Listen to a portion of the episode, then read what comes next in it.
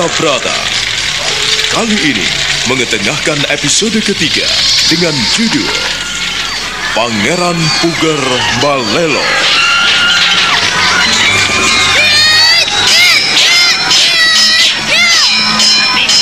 Cerita ini ditulis dan diolah oleh Buan Nergis Muriono.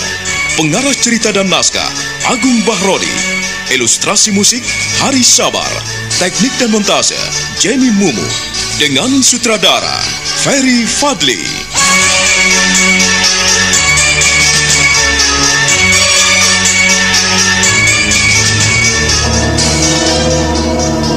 Pangeran Mangku Bumi mencengkram gagang pedang yang tergantung di pinggangnya. Kegeraman dan amarah tergambar dalam sorot matanya yang berapi-api. Raden Mas Jolang menghela napas dingin. Dia tersenyum dingin dan menghela napas dalam-dalam. Sedangkan Eyang Mondoroko mengangguk-angguk penuh arti. Wajah tua itu nampak dilanda duga, tetapi dia tetap dingin menghadapi kemelut yang ada di istana Mataram. Kita harus bisa memberikan kebijaksanaan dalam menghadapi Kang Mas Buger Eyang. Kita tidak boleh menghadapinya dengan gerusa-gerusu. Tetapi kalau tidak diberi pelajaran keras, ia tidak akan kapok anakku. Pale benar-benar tidak setuju apabila ia berkehendak dan melakukan tindakan-tindakan yang tidak sesuai dengan piagam yang diberikan pemerintah Mataram. Kita mesti memahami apa yang sedang terjadi di sini. Baru beberapa tahun ia memerintah Demak Bintoro. Sudah memberikan rencana-rencana yang baik kepada pemerintah Mataram. Baiklah, kita lihat saja perkembangannya. Sebab becik ketitik olo ketoro. Kalau kita melakukan kebaikan-kebaikan, tentu saja akan melahirkan kebaikan-kebaikan pula bagi semua orang. Tetapi kalau ada orang yang berkehendak dan berkeinginan jahat, maka ia akan nampak. Kita tidak perlu susah-susah. Kau cucuku, kau adalah seorang raja. Kau adalah menjadi kepala dari seluruh Mataram ini. Sekarang, Eyang ingin mendengarkan kebijaksanaan apa yang patut kau berikan. Benar, Engker. Anakku, kau harus benar-benar bijaksana dalam menghadapi Puger. Uh, rencana apa yang telah ada di dalam hati dan pikiranmu, anakku? Eyang, Pak Li, rasanya berat sekali di mana menghadapi orang-orang yang saya cintai. Aku ingin sebetulnya masalah-masalah seperti ini bisa diatasi dengan baik. Jangan sampai mengundang permasalahan. Tetapi nampaknya Kang Mas Puger nekat sekali. Untuk menghadapi kemungkinan-kemungkinan, saya ada beberapa pemikiran. Sebab bagaimanapun, Mataram tidak boleh membiarkan orang-orang yang semakin terbenam dalam lumpur. Yang pertama, saya serahkan kepada Pak Lik Mangkubumi agar membuat kantung-kantung perbentengan di seluruh wilayah Mataram. Kantung-kantung perbentengan ini harus diisi oleh prajurit-prajurit pilihan, prajurit-prajurit yang terlatih di medan laga. Yang kedua, saya ingin agar seluruh wilayah Demak Bintoro diawasi di bawah orang-orang yang terlatih dan ahli di bidangnya. Semuanya harus dari kota Raja Mataram. Pemberitahuan ini harus diketahui oleh raja-raja kecil kekuasaan Mataram. Yang ketiga, kita harus membuat strategi pengawasan ketat. Kita tidak boleh bertindak kekerasan selama Kang Mas Puger belum memulainya. Lain halnya kalau Kang Mas Puger memang memulai memberontak, maka mau tidak mau kita harus menghentikannya.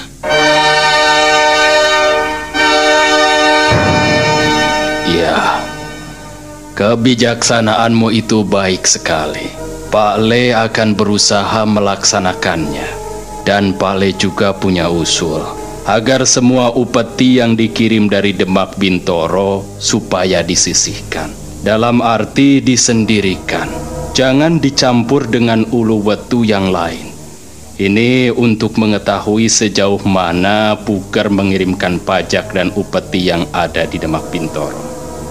Sebab kulihat Ia telah mengembangkan wilayahnya sampai di utara pegunungan Kendeng, daerah Tayu, Juwana, Lasem, sampai ke sana. Bahkan daerah ujung Watu juga telah menjadi kekuasaannya sampai ujung Jepara. Semuanya telah dikuasai. Berarti pendapatan Demak Bintoro semakin besar. Ini harus kau perhatikan anakku. Iya Pak Li. Saya akan perhatikan hal itu. Oh, iya. Ingat. Ingat, Yangger, cucuku. Kita dalam menghadapi seseorang tidak boleh hangus dan terbakar oleh tindakan-tindakan yang mencelakakan. Kita menghadapi sesuatu harus dengan kesabaran. Hanya dengan panjang sabarlah kita mampu menghadapi segala sesuatu. Kesabaran adalah mata pedang yang amat tajam untuk menghadapi kebatilan, kemurkaan, dan keserakahan. Siapa yang dapat mengalahkan kesabaran manusia? Huh? Benar, Benar, ya. Yang melihat hanya orang yang sabarlah yang akan mendapatkan keberhasilan. Tetapi orang yang gerudak-geruduk, gerusa-gerusu dan tergesa-gesa dalam melangkah maka ia tidak akan mendapatkan apa-apa. Ia ingin merangkul keduanya, tetapi akhirnya justru terlepas kedua-duanya. Itu orang yang tidak bijaksana, orang yang tidak memiliki pendirian dan kepribadian. Demikian juga dengan Kang Mas Mubuker. Ia membuat kita-kita ini kecewa, terus terang, yang prihatin, dan sedih sekali ketika mendengar berita dari Pak Alikmu bahwa Kang Masmu mulai memilih pemuda-pemuda terlatih, pemuda-pemuda pilihan. Ya, biarkan saja, biarkan saja. Tak perlu kita khawatir. Hmm, masih ada kita. Saya sendiri jadi heran, Eyang. Setiap kali orang yang diberikan kepercayaan senantiasa menyia-nyiakannya. Tetapi Ger, cucuku, kita mesti kembali mengingat siapa diri kita. Kita ini adalah manusia. Letak dari segala apes, salah, rusak, lupa dan murka. Kita sering kali melakukan tindakan-tindakan yang salah. Kita sering kali lupa diri. Kita sering kali murka dan serakah, dan kita akhirnya bisa rusak. Hal inilah yang harus kau pegang, cucuku. Jangan sampai kau terbakar oleh amarah. Jangan terbakar oleh angkara murka. Jangan sampai, Ger. Dan kita harus ingat pada diri kita bahwa setiap manusia itu memiliki kelemahan dan kelebihan. Kita harus bisa memaklumi kelebihan maupun kelemahan orang lain. Di sinilah kamu harus melihat Kang Mas Mubuker. Dia itu bagaimanapun juga tetap putra Mataram. Ya, sekalipun dia itu kurang mendapat perhatian dari kanjeng Ramamu. Karena dia itu agak tumpul, selalu serakah. Aku melihat sebelum ia diangkat hidup di istana ini. Ia nampaknya ngabang-ngabang. Kamu tahu ngabang-ngabang? Iya, Eyang. Orang yang ngabang-ngabang artinya orang yang serakah. Orang yang tidak pernah mau menerima apa yang ada di depannya. Itulah orang yang ngabang-ngabang. Dan kita harus bisa mensiasati orang-orang seperti itu, Ger. Tetapi sekali tidak bisa dipercaya, selamanya juga akan menjadi orang yang tidak bisa dipercaya, Eyang. Aku menjadi kesal terhadap Pugar. Apa maunya? Apa keinginannya? Apakah tidak enak menjadi seorang bupati? Segala macam telah terpenuhi. Anak-anak dan istrinya juga hidup tentram di sampingnya. Atau ia memang ingin menjadi raja? Ya, begitulah namanya manusia. Dalam kehidupan manusia ini ada dua hal anakku, cucuku. Ada dua hal dalam kehidupan kita ini. Tentang kepuasan manusia itu dan tentang rasa manusia itu. Ada dua hal yang bercokol di dalam hati kita. Yang pertama adalah mulur. Tahu mulur? Molor diolor-olor, ya selalu mulur atau ditarik. Kalau dipaksa ditarik, ya mulur, semakin memanjang. Itu rasa manusia.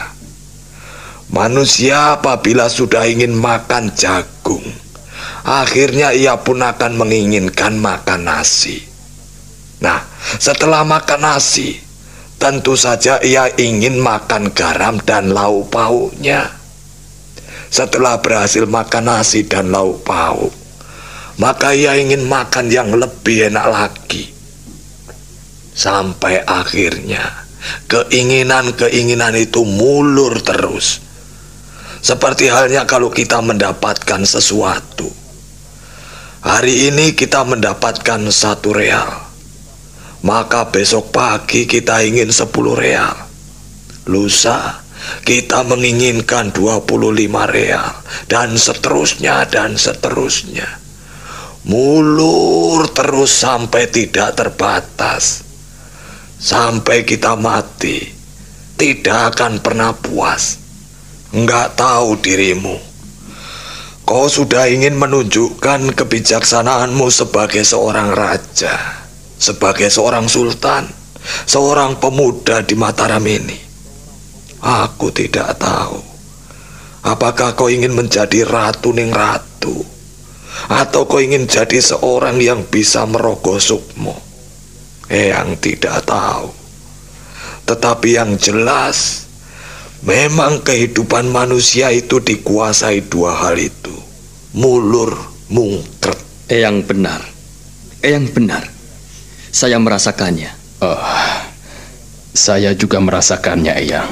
Lalu mungkret. Kenapa ada mungkret di dalam hidup manusia? Ya tentu saja ada. Kita kadang-kadang mundur apabila merasa kecewa dan dikecewakan. Itu sudah wajar. Mundur itu untuk memasang strategi yang lebih baik. Mundur bukan untuk mengalah, tidak. Tetapi mundur untuk kebaikan bersama. Manusia hidup di dunia ini senang dan susahnya selalu datang silih berganti. Senang sebentar, kembali susah. Senang sebentar, kembali susah. Senang, susah, silih berganti. Itulah yang dialami hidup dan kehidupan manusia. Eyang sama sekali tidak menginginkan dalam terah Mataram ini terjadi hal yang demikian. Akan tetapi, apa yang kita hadapi sekarang ini justru bermunculan hal-hal yang tidak berkenan. Jadi serba salah, Eyang. Jadi serba salah. Ya, ah. serba salah. Kau tidak boleh merasa salah, anakku. Tidak. Bukan kau yang salah. Pak Le akan tetap membelamu. Dan Pak Le akan tetap ada di belakangmu. Aku tidak akan membiarkan orang-orang mencungkirkan tahtamu. Selama Mondoroko dan Mangkubumi hidup, tidak akan. Tidak akan kubiarkan sana Mataram bergeser dari anak Senopati yang terbaik. Terima kasih atas dukungan Pak Li dan Eyang Mondoroko. Saya terharu sekali. Saya terharu sekali. Oh, Kang Mas Buker, apa sebetulnya maumu? Raden Mas Jolang melangkah beberapa tindak di depan Eyang Mondoroko dan Pangeran Mangkubumi. Dia mengangguk-anggukan kepala, lalu bersedakap dan memandang cakrawala yang amat luas, yang membuat hati dan pikirannya sedikit jernih mereka tenggelam dalam keheningan dan mencekam. Sementara itu, di Istana Kadipaten Demak Bintoro, Pangeran Puger tidak mengindahkan apa yang dipesankan Pangeran Mangkubumi. Dia mengerahkan seluruh orang-orang kepercayaannya untuk menjalankan rencana-rencananya sesuai dengan apa yang diinginkan Patih Gending. Aku telah mengumpulkan 200 prajurit di lereng pegunungan Kendeng, Kakang. Bagaimana pemuda-pemuda di sana? Apakah bisa diandalkan, Nandoko? Uh, iya, menurutku bisa sekali, Kakang Guntur. Sebab orang-orang di pegunungan Kendeng memiliki badan yang tegap dan kuat. Mereka terbiasa naik gunung dan turun lembah, terbiasa membawa beban berat, dan kita tinggal mengolahnya, melatihnya bagaimana mereka memegang senjata. Senjata apa pun yang ada di tangan mereka harus bisa bermanfaat dengan baik. Kapan kau membawanya kemari? Aku punya usul, Kakang Guntur. Bagaimana apabila kita sendiri yang datang ke sana? Melatih mereka di sana. Sebab kulihat tempat di sana lebih tenang. Dan aku yakin kalau kita melatih anak-anak muda di sana, artinya jauh lebih dari pengawasan pemerintah Mataram. Kalau sampai kita diketahui oleh antek-anteknya Mangkubumi, kita bisa mampus, Kakang. Pendapatmu bagus sekali. Bagaimana kalau kita usulkan pada Kanjeng Pati Gending?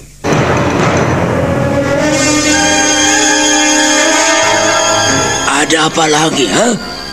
Aku tidak mengundang kalian kemari. Aku heran. Kalian kutugaskan ke pegunungan Kendang, tetapi kenapa malam hari ini kalian ada di sini? Apakah kalian tidak mendengarkan perintah-perintahku, Nandoko dan kau Guntur? Ampunkan kami, Kanjeng Pati. Ampunkan hamba, Kanjeng Pati. Ampunkan hamba, Kanjeng Pati. Ah. Sembah dan hormat saya. Sembah dan hormat hamba, Kanjeng Pati. Apa yang kau inginkan, Nandoko? Katakanlah, jangan sampai membuatku marah. Ampunkan hamba, Kanjeng Pati. Hamba ingin menyampaikan sesuatu tentang para pemuda yang ada di Pegunungan Kendeng. Ada apa lagi? Bukankah aku sudah menyuruhmu agar kalian melatih para pemuda itu menjadi prajurit-prajurit yang tangguh?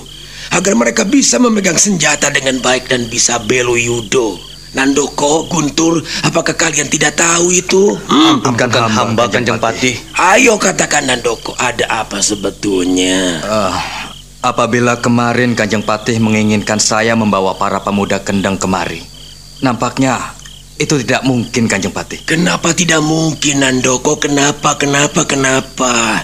Bukankah dengan berjalan kaki dari kendang kemari itu mereka bisa mendapatkan sesuatu yang berharga? Mereka bisa bergerak dengan bebas melalui hutan. Kenapa? Apa yang kau takutkan, goblok? Uh, bukan itu maksud hamba, Kanjeng Patih. Tapi hamba ingin agar kita bisa menjaga diri. Jangan sampai rencana kita diketahui mata-mata kanjeng pangeran Mangkubumi. Apa? Kalian takut pada Mangkubumi? Mangkubumi itu urusanku, bukan urusan kalian. Dan kalian tidak perlu takut. Akulah yang akan menghadapinya. Jalankan semua perintah-perintahku Nandoko dan kau Guntur. Jangan keras kepala. Jangan seenak udelmu. Dengarkan semua perintah-perintahku dan laksanakan dengan baik. Hamba Kanjeng Pati. Ampunkan hamba Kanjeng Pati. Adinandoko ada usul yang baik sekali. Silakan. Silakan Adinandoko.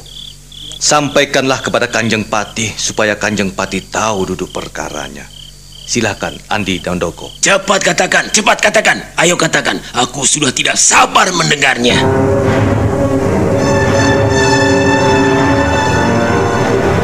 Patih Gending marah pada Guntur dan Nandoko. Mereka mempermasalahkan orang-orang pegunungan Kendeng.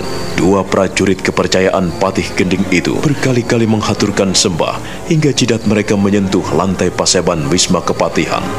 Patih Gending menggoyang-goyangkan tempat duduknya. Kursi malas itu berderak-derak hingga membuat Nandoko dan Guntur nampak merinding. Tetapi dua prajurit kepercayaan itu pantang menyerah.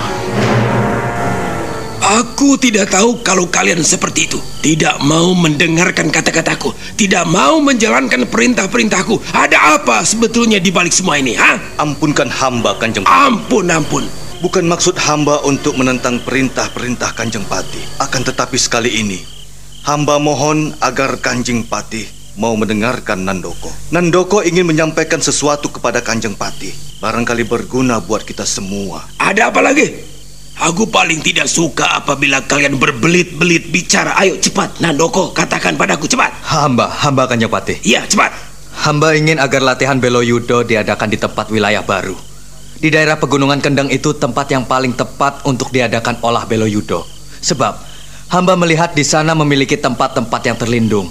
Mau latihan di dalam hutan jati juga bisa. Atau di balik lembah-lembah dan bukit.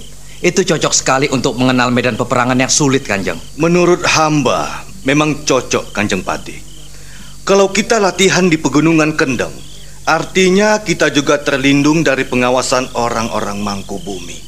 Nah, kalau kita sudah bisa melaksanakannya dengan baik, tentu saja dengan mudah kita akan menggebuk Mataram. Bagaimana Kanjeng Pati? Apakah ada tempat yang cocok untuk latihan? Apakah ada tempat yang luas, Guntur, Nandoko? Hmm? Ampunkan hamba, Kanjeng Pati. Hamba dan Nandoko telah sampai di sana dan memeriksa seluruh wilayah pegunungan Kendeng. Kita bisa berlatih di dalam Goa Cerawang. Di sana memiliki tempat yang luas sekali, terlindung dari pandangan orang. Kita juga bisa berlatih di dasar sungai, bisa berlatih di lembah-lembah, dan bisa berlatih di dalam hutan. Benar begitu Nandoko? Hamba Kanjeng Patih. Apa yang disampaikan Kakang Guntur benar adanya.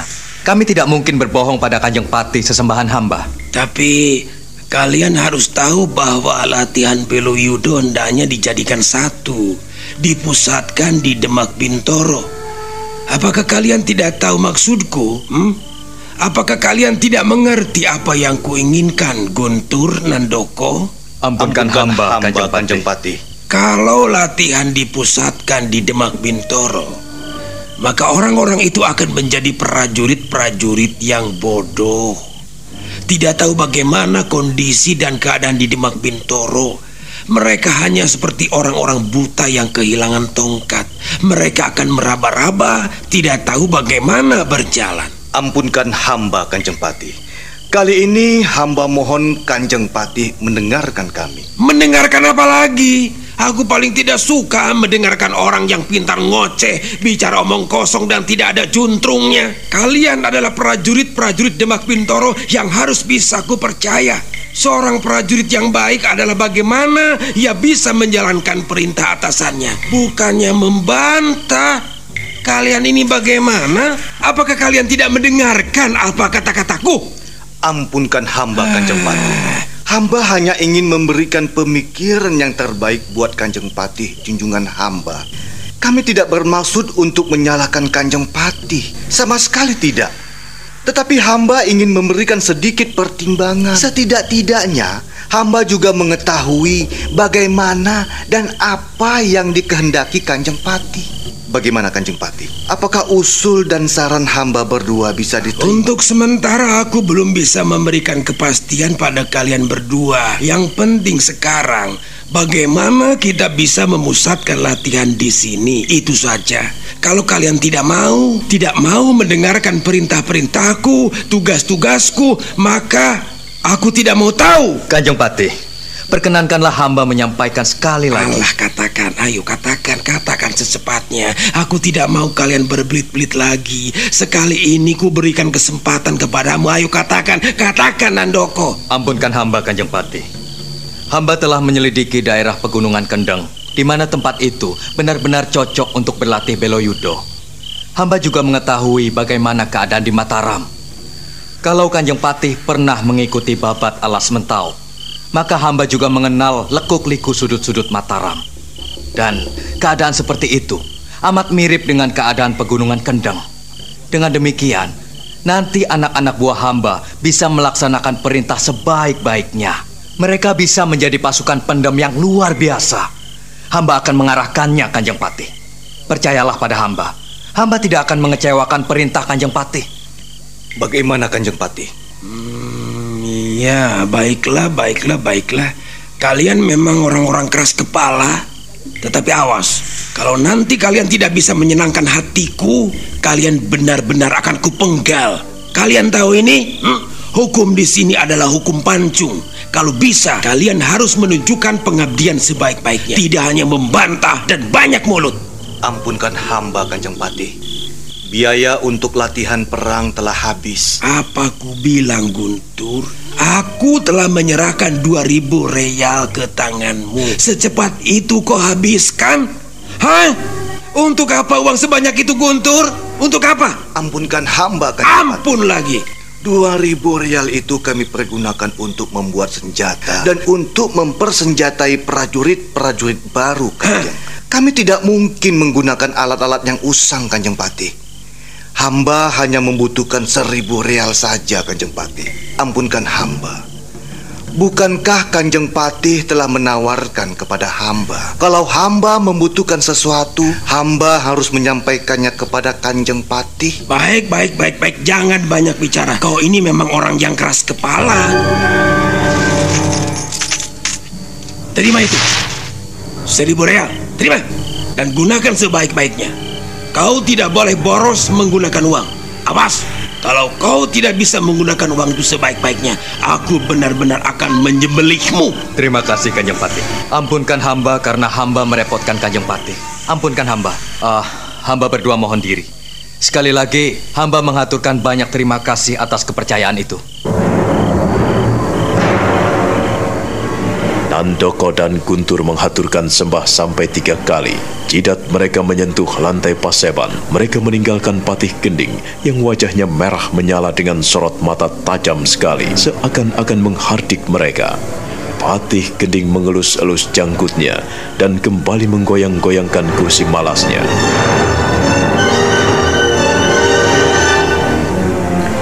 Sementara itu, Pangeran Puger sedang berada di pembaringan bersama Larasati istrinya tercinta.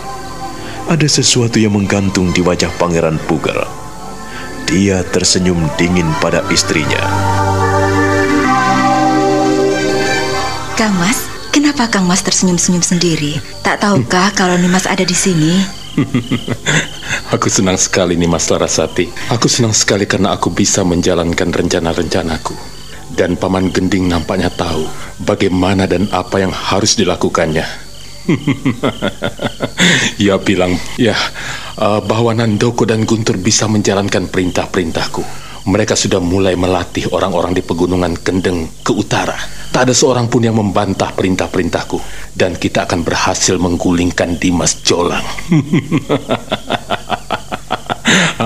tak ada yang bisa menentang kehendak Pangeran Puger. Kau harus senang hal itu, Larasati. oh. Aku tidak bisa. Rasanya berat sekali. Mengapa bisa begitu, nih, Mas? Aku telah melakukan sesuatu yang terbaik untukmu, untuk kita, untuk masa depan anak-anak kita, nih, Mas. Kang Mas nampaknya tidak takut pada peringatan Pak Lek Mangkubumi. Bukankah Pak Lek telah memperingatkan bahwa Kang Mas tidak boleh melatih para pemuda untuk menjadi prajurit-prajurit? Kau ini belum tahu siapa Pak Lek Mangkubumi itu nih mas. Dia itu justru ketakutan kalau aku melatih orang-orangku. Dia datang kemari karena ketakutannya nih mas. Oh, jadi kau tidak perlu khawatir.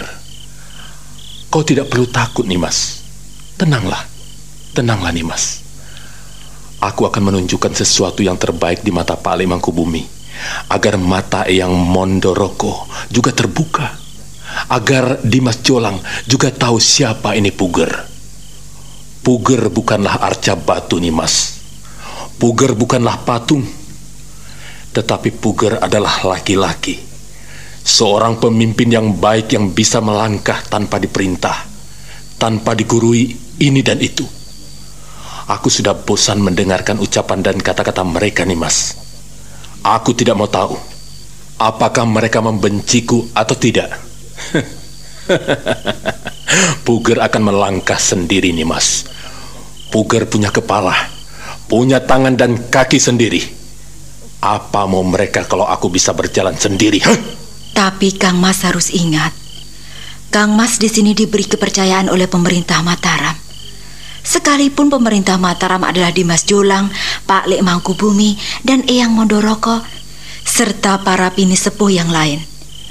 Kuharapkan Kang Mas teringat betapa kepercayaan itu amat penting dalam kehidupan kita. Kalau kita sudah tidak dipercaya lagi, apa yang dapat Kang Mas lakukan? Ingatlah itu, Kang Mas. Jangan terlalu mengumbar hawa nafsu. Jangan terlalu mengumbar ketidakpuasan dalam hati dan keinginan kita. Jangan, Kang Mas. Ah, kau selalu menentang dan menghalang-halangi keinginanku, nih, Mas. Kau tidak boleh seperti itu. Kau hanya seorang istriku, nih, Mas. Artinya kau hanya ada di belakangku. Kau tidak boleh menghalang-halangi niatku, Nimas. Saya tidak bermaksud menghalang-halangi niat Kang Mas. Akan tetapi, aku melihat sesuatu yang tidak baik. Paman Gending nampaknya melangkah terlalu jauh. Paman Gending tidak hanya melakukan apa yang Kang Mas inginkan, tetapi ia memiliki ambisi pribadi, Kang Mas. Aku tidak ingin Kang Mas terjerumus. Kalau terjadi sesuatu, kita ikut celaka, Kang Mas.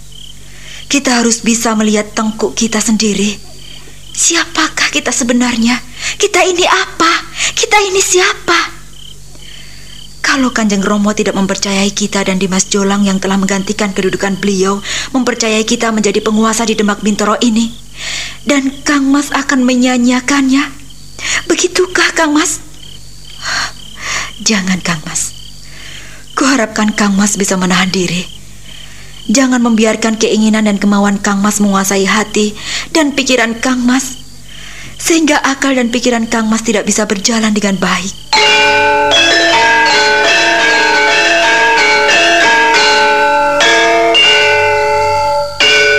Kau bicara apa nih, Mas? Kau jangan bicara ngalor ngidul begitu. Aku ini suamimu nih, Mas. Aku ini seorang bupati. Demak ini bukanlah segenggam tangan, bukan segumpal tanah. Tapi Demak adalah kadipaten yang paling luas di istana Mataram nih mas.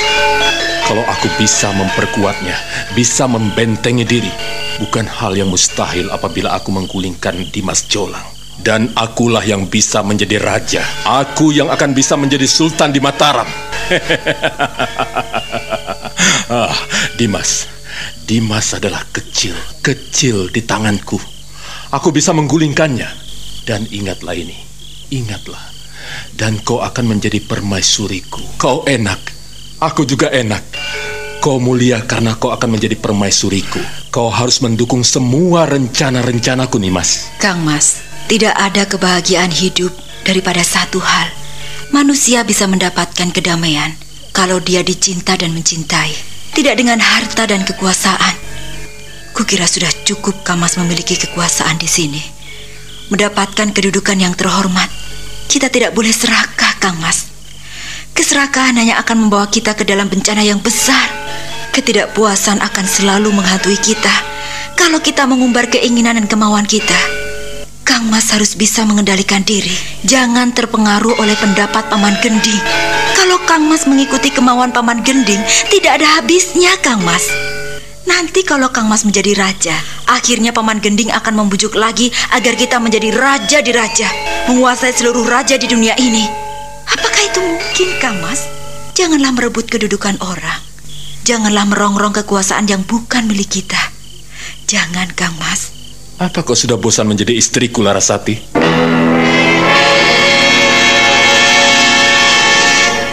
Mengapa Kang Mas bicara seperti itu? Aku istrimu. Aku berhak mengingatkan dan meluruskan apabila Kang Mas tidak tepat dalam langkah. Aku ingin agar Kang Mas tetap berjalan di jalan kebenaran. Jangan sampai tersesat suamiku. Sekali lagi ku peringatkan kepadamu. Aku ini waras dan aku tidak tersesat. Mataku terbuka lebar nih mas.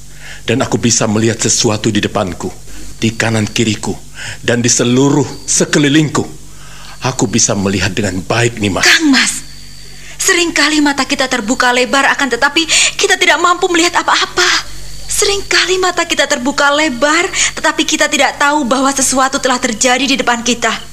Kang Mas harus ingat. Harus ingat kelemahan-kelemahan yang ada pada diri kita. Kang Mas, jangan membawa bencana lagi. Jangan Kang Mas. Ingatlah anak-anakmu. Ingatlah aku istrimu. Ya, Aku tidak menuntut itu. Memang istrimu banyak. Tetapi setidak-tidaknya, akulah yang paling dekat di hatimu. Aku ingin mengingatkan kepadamu. Aku tidak ingin Kang Mas Puger jatuh. Jatuh lagi hingga terpuruk di lumpur yang paling dalam. Pangeran Puger tidak akan pernah jatuh, Nimas. Ia akan tetap bangkit dan berdiri dengan gagah Pangeran Puger tidak akan membiarkan siapa pun menjatuhkan menjatuhkan diriku. Aku tidak takut pada Pale Mangkubumi. Aku juga tidak takut pada Eyang Mondoroko. apalagi Dimas Jolang.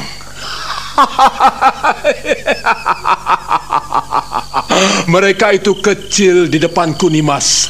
Aku bisa menghadapi mereka. Tapi Kang Mas, Kang Mas tidak boleh lupa diri. Tolong sekali ini saja dengarkanlah aku, Kang Mas. Dengarkanlah aku. Hanya sekali ini saja. Jangan sampai Jangan sampai Kang Mas jatuh terlalu dalam. Jangan Kang Mas. Kau harus ingat bahwa segala sesuatu tergantung pada kita. Kepercayaan itu paling berarti dalam hidup kita.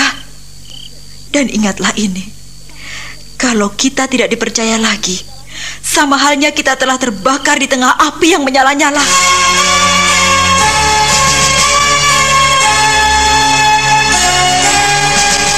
Pangeran Puger melotot pada istrinya. Tangan kirinya meremas selimut, lalu menariknya keras-keras. Desis giginya gemeletuk mengancam istrinya. Matanya semakin berapi-api dan dia melotot marah sekali. Nah, apa yang akan dilakukan oleh Pangeran Puger? Saudara pendengar, silahkan menunggu seri berikutnya dalam serial Wahyu Astabrata ini. Sampai jumpa.